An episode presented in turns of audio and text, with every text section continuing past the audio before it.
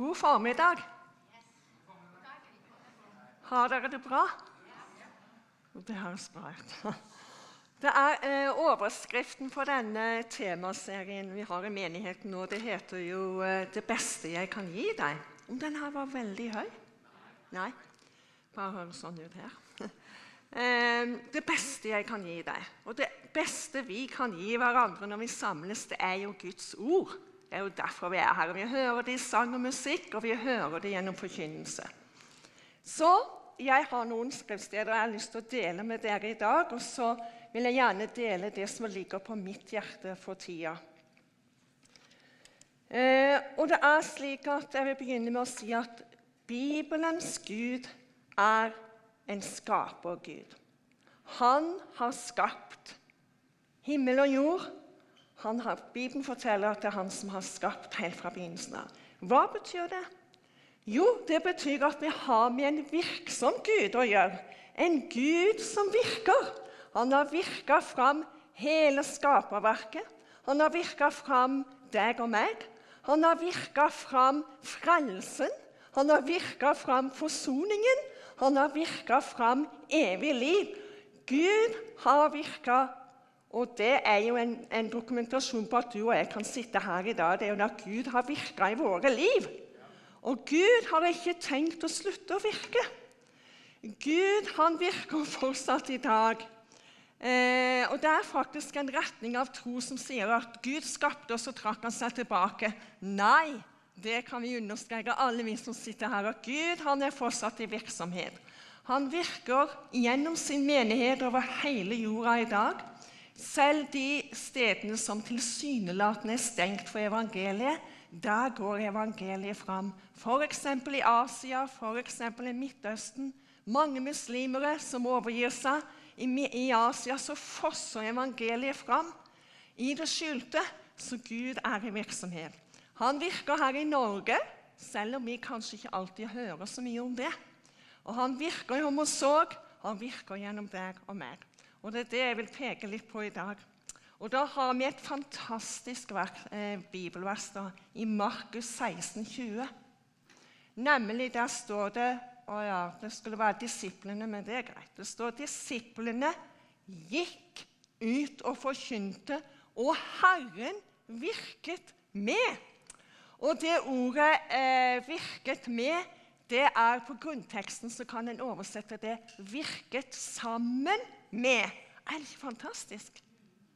De gikk ikke alene. vet du. Da hadde de ikke klart, det hadde ikke blitt noen resultater. Men Herren, Kyrios, Jesus Kristus, virket med. Og vi er kalt til å virke sammen med Han. Og så har vi et flott bibelvers i 1. Korinterne 3,9. Der står det For vi er Guds medarbeidere Altså Det er det vi er. Vi er i hans arbeid fordi at han får virke i oss og gjennom oss. Nå må jeg ha på brillene, så jeg ser litt her. Eh, det er ingenting vi kan virke fram fra Gud i oss sjøl. Vi kan aldri virke fram eh, eh, resultater av evighetsbetydning. Det er bare Gud som kan virke det gjennom oss og eh, Det betyr jo at vi er 100% avhengig av Gud. Han er avhengig av oss. Det er et gjensidig avhengighetssamarbeid.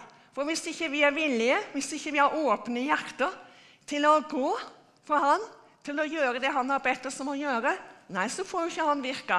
Men når vi går, beveger oss på Guds befaling så, og på Hans ord, så virker Han og stadfester og åpenbarer hvem Han er.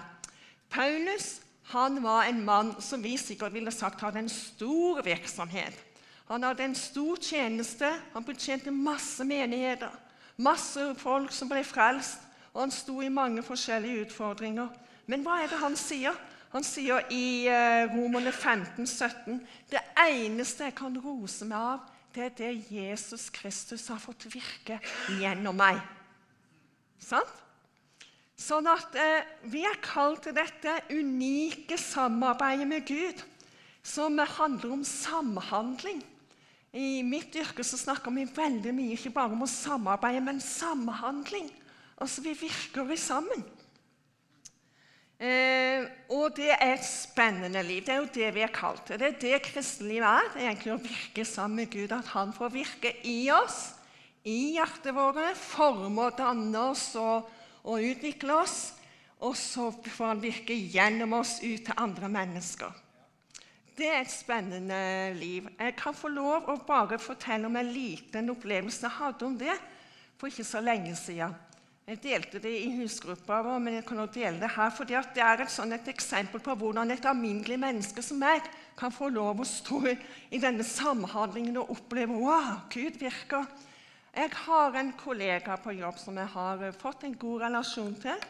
Hun har gjort en del dumme valg som har gått utover familien og ikke minst barna. Og hun sliter med det i etterkant. Jeg har bedt en del for henne, og vi har hatt noen gode samtaler om livet, om Gud, om Jesus. Hun er åpen. Eh, og så En dag jeg kjørte til jobb, så, eh, så sa, ba jeg bilen bilen er en god plass å be. vet du, Ingen andre som hører oss. Og jeg ba til Gud, jeg tror jeg hørte på noe musikk, og så kom jeg, ble minnet på den historien fra Bibelen om kvinnen som var grepet i hor. Dere husker sikkert det, at fariseerne de hadde avslørt henne på fersk gjerning. Og så tok de og slepte henne fram for Jesus når han underviste her. Så sa han, 'Se', sa de, 'denne kvinnen her, hun skal etter vår lov steines til døde.' 'Vi har grepet henne på fersk gjerning i hor.' Og så hva sier du? Skal vi prøve å teste han. Og så svarer Jesus så mesterlig. Ja, den av dere som er uten synd, kan begynne å kaste den første stein. Og Så står det at det gikk alle sammen bort. Og Så ble han stående igjen på denne kvinnen, og så sier han er det ingen som har dømt deg. Nei, mester, nei. Og så sier han jeg fordømmer deg heller ikke. Gå bort og synd ikke mer. Med andre ord, jeg tilgir deg, men slutt med det du har holdt på med, for det er til skade på deg for deg sjøl og for andre. Og Så fikk jeg det for meg jeg skulle dele denne historien med denne kollegaen. Og Så kom jeg på jobb, og det var en hektisk morgen. Rett inn og jobbe på kontor osv. Og, så og så tenkte jeg uff, nei. Så kommer sånne tanker som er typisk oss mennesker. Ja, nei, jeg tror ikke det passer så godt i dag, og det ser ikke ut som jeg får noe tid alene med henne i dag. og Det er kanskje bare med meg sjøl, og kanskje ikke det var Gud som, som eh, påvirka meg her. Og så måtte jeg ta et valg om det å overlate meg, overgi meg til, i tillit til at det var Gud som kom med den eh, innskytelsen. Så tenkte jeg jo, jeg skal gjøre det. Så så jeg hun holdt, tok seg en kopp kaffe litt seinere, så gikk jeg ut i gangen der. Og så sa jeg du, jeg har bare blitt minnet på at jeg skal dele en flott historie fra Bibelen med deg. Og så delte jeg, jeg tror det gikk to minutter, så var det der gjort. Og så kom det en reaksjon over henne som jeg aldri har sett før. Eh, det var nesten sånn elektrisk atmosfære der hvor hun ble veldig berørt i hele kroppen, og tårene kom. Og hun takka meg veldig og var veldig takknemlig. Så der, der så, så jeg Gud virka i hennes liv. Og Jeg hadde hatt mange samtaler med henne. Det hadde ikke skjedd før. Men på Guds initiativ Han kom med en innskytelse jeg gikk på den, han virka. Det er sånn vi kan få lov å oppleve hverdagen. Og jeg ønsker å leve mye mer i dette. Og så eh, vet ikke jeg hvordan det går med Hun er ikke en kristen i dag. Og hvordan det går videre i hennes liv, men vet jeg ikke, men det er ikke mitt ansvar. Mitt ansvar er å være lydig mot de innskytelsene Gud gir, som er i overensstemmelse med Hans ord så har jeg et, eh, to spørsmål jeg vil stille. Det første er hvordan er det mulig for oss alminnelige mennesker, som ikke er pastorer, som ikke er Pauluser, ja, helt alminnelige dagliglivets, da, hverdagslige mennesker, å vandre i dette dag for dag og samhandle med Gud, få samarbeide med Han? Hvordan er det mulig? Og Da er det Bibelen som gir oss et svar vet du, i Filippene 2, 13. Nemlig Gud er den som virker i oss, både å ville og virke til hans gode behag. Så igjen så ser vi dette. Dette er jo et, noe Gud virker fram. Det er hans verk i oss. Han virker til og med på vår vilje, sånn at vi vil det som han vil. At vi vil samarbeide med han, at vi vil samhandle med han. Det er han som sørger for det. Så trenger vi ikke å rive oss sjøl opp etter håret. Vi trenger ikke å prøve å være veldig åndelige. Vi trenger ikke å prøve å være veldig, veldig flinke. Vi kan bare få lov åpne våre hjerter for Gud, og for Han får lov å virke gjennom oss. Eh, og så har jeg et eh, spørsmål til. Spørsmål nummer to. På hvilken måte kan vi samhandle med Gud, eller samarbeide med Gud? På hvilken måte? Og Da er utgangspunktet tenker jeg, dette her med troens overgivelse. Vi må stole på og våge å stole på at han vil bruke oss, og at han virker. Han har kontrollen, selv om vi kan føle at eh, å, hva er det nå som skjer? Eh, er dette riktig? Er det feil? Er det meg sjøl? Osv. Vi må våge å stole på han og overgi oss. Så er det slik at vi kan virke sammen med han i bønn. Det står, Nå er det vel det siste ordet som kommer opp, Jakob 5, 16. Ja, der står det at et rettferdig menneskes bønn har stor virkning. Og et rettferdig menneske det er du og meg, for vi er rettferdige i Jesus Kristus, ikke i oss sjøl. Så når vi ber, så virker Gud. Og hva er det Gud virker da? Han virker bønnesvar. Sant? Vi ber, han svarer på bønn. Og så er det så flott at vi kan få lov å lære f.eks. av en organisasjon som Mødre i bønn, en fantastisk flott eh, organisasjon, som sier 'be Guds ord'. Lær å be Guds ord. Og Hva var det de første disiplene gjorde når Peter og Johannes havna i fengsel? De bekjente Guds ord, og så sa de i tillegg 'hold øye med det som skjer'. Så det å lære oss å bruke Guds ord i bønn, det er effektivt. Og så kan vi få lov å tjene hverandre i bønn, i forbønn. Sant? Så er vi medarbeidere med hverandre i troen igjen, i forbønn, i bønn for hverandre. Og nettopp nå, i vår familie så har vi opplevd bønnesvar. Noen av dere vet at Henning han har hatt en stor hjerteoperasjon. Um, og um, i utgangspunktet så går jo sånne ting veldig bra, for legene de er dyktige, det kan de. Men eh, det var noen omstendigheter som gjorde at det var ekstra risikabelt. Sånn at når jeg sa adjø til han på Haukeland sykehus i Bergen for eh, blir det to-tre uker siden nå, tre uker, så var det helt en reell tanke Kommer jeg til å se han igjen her på denne sida? Eh, men eh, Gud, vi ba i familien, og flere i menigheten her var med og ba. Så vi var samordna i bønn og samarbeida i bønn. Og så opplevde vi bønnesvar. I dag er han på god bedringens vei. Og eh, på, I går var han ute i to timer. Det har ikke skjedd på to år. skal jeg fortelle dere. Han gikk ikke i to timer, men han var ute. Han har ikke kunnet gått ute i mer enn ti minutter før han har fått smerter i spiserøret tidligere. Men eh, på toppen av det hele så forteller han at Gud har rørt med han under sykehusoppholdet. Eh, han sier sjøl at han kommer aldri til å bli den samme igjen. Eh, så, og jeg ser jo at han har fått et ekstra gir på mange måter. Så det var det, da. Jo, det er at Gud kan gjøre langt, virke langt utover det vi forstår og ber ham om. Takk og lov. Han er ingen knussen Gud. Han gir rikelig. Um, så det, står det også et uh, annet ord om å virke. Det står I Hebreane 4,12 så står det at Guds ord er virkekraftig.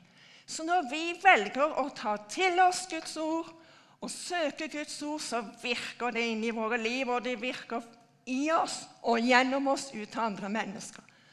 Og jeg tenkte Når Knut sa dette her med hvor mange gudstjenester vi har vært på, så tenkte jeg tenk på alle de gudsordene òg som har gått ut fra denne menigheten i løpet av all den tida menigheten har eksistert. Ut til barnearbeid, ut til juniorarbeid, ut i ungdomsarbeid. Og det har virka! Det har resultater, og Gud alene vet hvor mange resultater. Det skal ikke vi være opptatt av. Men vi kan se og takke Han for at Han har virka. Så Han virker i sin menighet i dag. Og jeg priser Gud for at jeg hadde en ungdomsarbeider eller ungdomsleder som ba sammen med oss, som delte Guds ord med oss, og som modellerte å være overgitt til Jesus. Det har virka inn i mitt liv. Så sier òg Guds ord at alt som er, eh, er eh, Gud virker, det virker han ut fra sin kjærlighet. Gud er 100% kjærlighetsmotivert. Så alt det Gud virker, det virker han i sin kjærlighet. Og så står det så flott at Guds kjærlighet er utøst i våre hjerter. Agape, hans agape er utøst i våre hjerter. Så dermed så virker han i å virke i hans kjærlighet.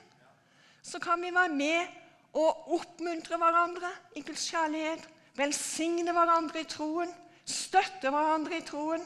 Og så kan vi være med og, og gjennom Guds kjærlighet kan skape denne nøden for de ikke-troende, som gjør at vi ber for dem, som gjør at vi eh, bygger gode relasjoner til dem og får lov å vitne for dem. Så uten Guds kjærlighet så hadde ikke han virka. Men det, det, er grunnlaget. Og så står det òg Vi kan tenke at å, hvordan ja, liksom, hvordan du kan jo sitte her og tenke at eh, ja, det var noe voldsomt. og skal, ja, Gud, Virker Gud gjennom meg? Da, hvordan skal dette her skje?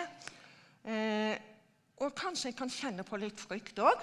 Kan kjenne det at eh, vi er liksom ikke så frimodige. Og, og eh, kanskje vi kan kjenne på et ytre press i vår kultur om at, eh, at vi skal tie stille med troen vår. Troen vår skal være privat. Og vi kan kjenne et trykk mot Guds ord i dag i vår kultur. Men så står det så fint du, at Guds kjærlighet driver frykten ut. Den fullkomne kjærligheten driver frykten ut. Det står i 1. Johannes 4, 18. Så vi, kan, vi har all grunn til at vi, når vi blir fylt med Guds kjærlighet, så kan vi være frimodige. Være frimodige i Han og gå på Hans innskytelser og bare følge Han i bønn Samarbeide med Han i bønn, samarbeide med Han i Guds ord, samarbeide med Han i kjærlighetshandlinger overfor hverandre overfor de ikke-troende. Så jeg ber til Gud for min del at eh, han må få lov i en enda større grad å virke gjennom mitt liv. Eh, og jeg har ikke tro på at det blir sånn at jo eldre du blir, jo mindre virker Gud. Tvert imot, da er det all grunn til at han kan virke for. Han har masse erfaring å bygge på. Eh, men Gud han bruker oss uavhengig av alder, uavhengig av erfaring, uavhengig av kompetanse som menneskelig sett. Fordi at det er Gud som virker. Vi er bare redskap, og Det er Gud som skal virke fram i oss alt det gode som han har. Så hensikten med våre liv, dere, hvorfor ikke vi er tatt opp til himmelen, til herligheten med en gang, det er jo nettopp fordi at han vil virke gjennom oss her på jorda. Ut til våre kollegaer, ut til våre naboer, ut til de andre våre medkristne. Og jeg vet at mange som sitter her i salen, har fått ord og oppleve Guds virke i deres liv på mange gode måter. Jeg har folk i husgruppa mi som forteller hvordan Gud virker gjennom at de er frimodige til å vitne på jobb. Signe Toril hun sitter her, stille dame i seg sjøl. Hun forteller jo Det har jeg ikke spurt om å få lov å si, men det gjør hun. Vet du tåler det? Eh, hun forteller om at hun vitner for ungene. Jul, påske, så legger hun fram evangeliet. Hun vitner for kollegaene når hun får en anledning. Andre av de andre, Noen i husgruppa mi forteller at de har et hjerte om å invitere folk til kaffe som, ikke, som er ikke-kristne, som de treffer. og liksom sier, 'Hei, kom hjem og ta en kopp kaffe.' Med én meters avstand. Det er mye som går an, selv om det er korona. Så, så folk, eh, Gud virker. Han virker i sin menighet. og Jeg vil bare oppmuntre oss til det. Men vi ønsker vel alle gjør vi ikke det, at han i enda større grad skal få lov å virke i våre liv. Gjør vi det? Ja. Da vil jeg bare avslutte med en kort bønn, så skal Knut få lov å ta over. Jeg må si tusen takk, Gunn. Det var nydelig å høre deg. For en forkynner du er, altså. Hva er det den dama ikke kan? Det er ingen vi har som har vært mer i barnearbeidet enn Gunn. Sikkert nesten 30 år. Trofast som Og lenger enn det, fordi at du har vært i andre menigheter. for å si det sånn. Når begynte du? 16 år gammel, var det det? Og Er det lov å spørre hvor gammel du er nå? Ja, legg på 40. 40 år som søndagsskolemedarbeider. Det er helt rått.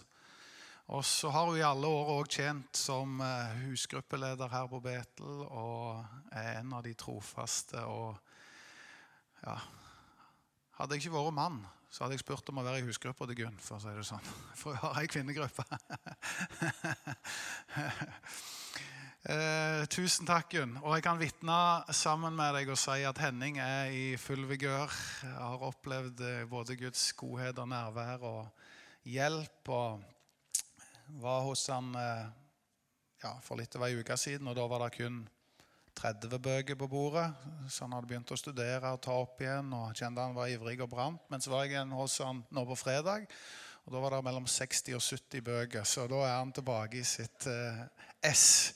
Og han snakket om eh, å leve for Jesus og brenne og alt det gode han hadde Alt blir en undervisning og en tale med, med, med, Gunn, nei, med Henning i forhold til hele sykehusoppholdet. og Han fikk en brosjyre der, og da hadde han eksigert hele brosjyren. vet du, Det var jo en helt vanlig helsebrosjyre, men den lagde han bibelvers og putta inn. og det var Henning er seg sjøl. Nydelig å se. Det var ikke det jeg skulle si. Nå har jeg ti minutter før vi skal slutte av. Jeg skal bare sende dere ut med en slags sommerhilsen helt til slutt. Og jeg har lyst å lese Markus kapittel 6 og vers 30. Apostlene samlet seg igjen hos Jesus og fortalte han om alt de hadde gjort. Alt de hadde gjort. Og alt de hadde lært folket. Og han sa til dem, 'Kom med meg til et øde sted, hvor vi kan være alene, og hvil dere litt.' For det var så mange som kom og gikk, og som ikke fikk tid til å spise engang. Og så står det han drog, ut med båten til et øde sted og for å være alene. Jeg leste en eh, Facebook-oppdatering for litt siden, og jeg visste ikke om jeg skulle bli provosert eller inspirert. Men der sto der Noen ganger er det mest åndelige du kan gjøre, å hvile. Og jeg måtte gruble på den, fordi det går litt mot min natur å tenke at det er så veldig åndelig. For jeg kjenner vel litt De som kjenner meg godt, vet at jeg måler ofte dagen i hvor effektiv han har vært.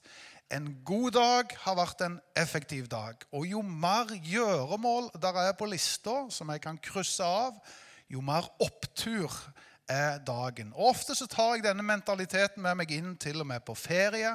De som har fulgt med på Facebook, vet at jeg har brukt et ord som heter turboturisme.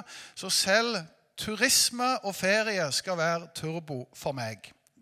Nå vet jeg at jeg er ekstrem, men et klassisk eksempel er jo vi var to dager, 48 timer på ferie for ei uke siden. og Da handla det om å legge mest mulig inn der, mest mulig fjelltopper. Vi måtte stå opp klokka fire om morgenen for å rekke det, og begynte å gå før klokka fem. Og når vi kom ett døgn inn i den ferien noen kaller jo dette tortur, men det var for oss ferie.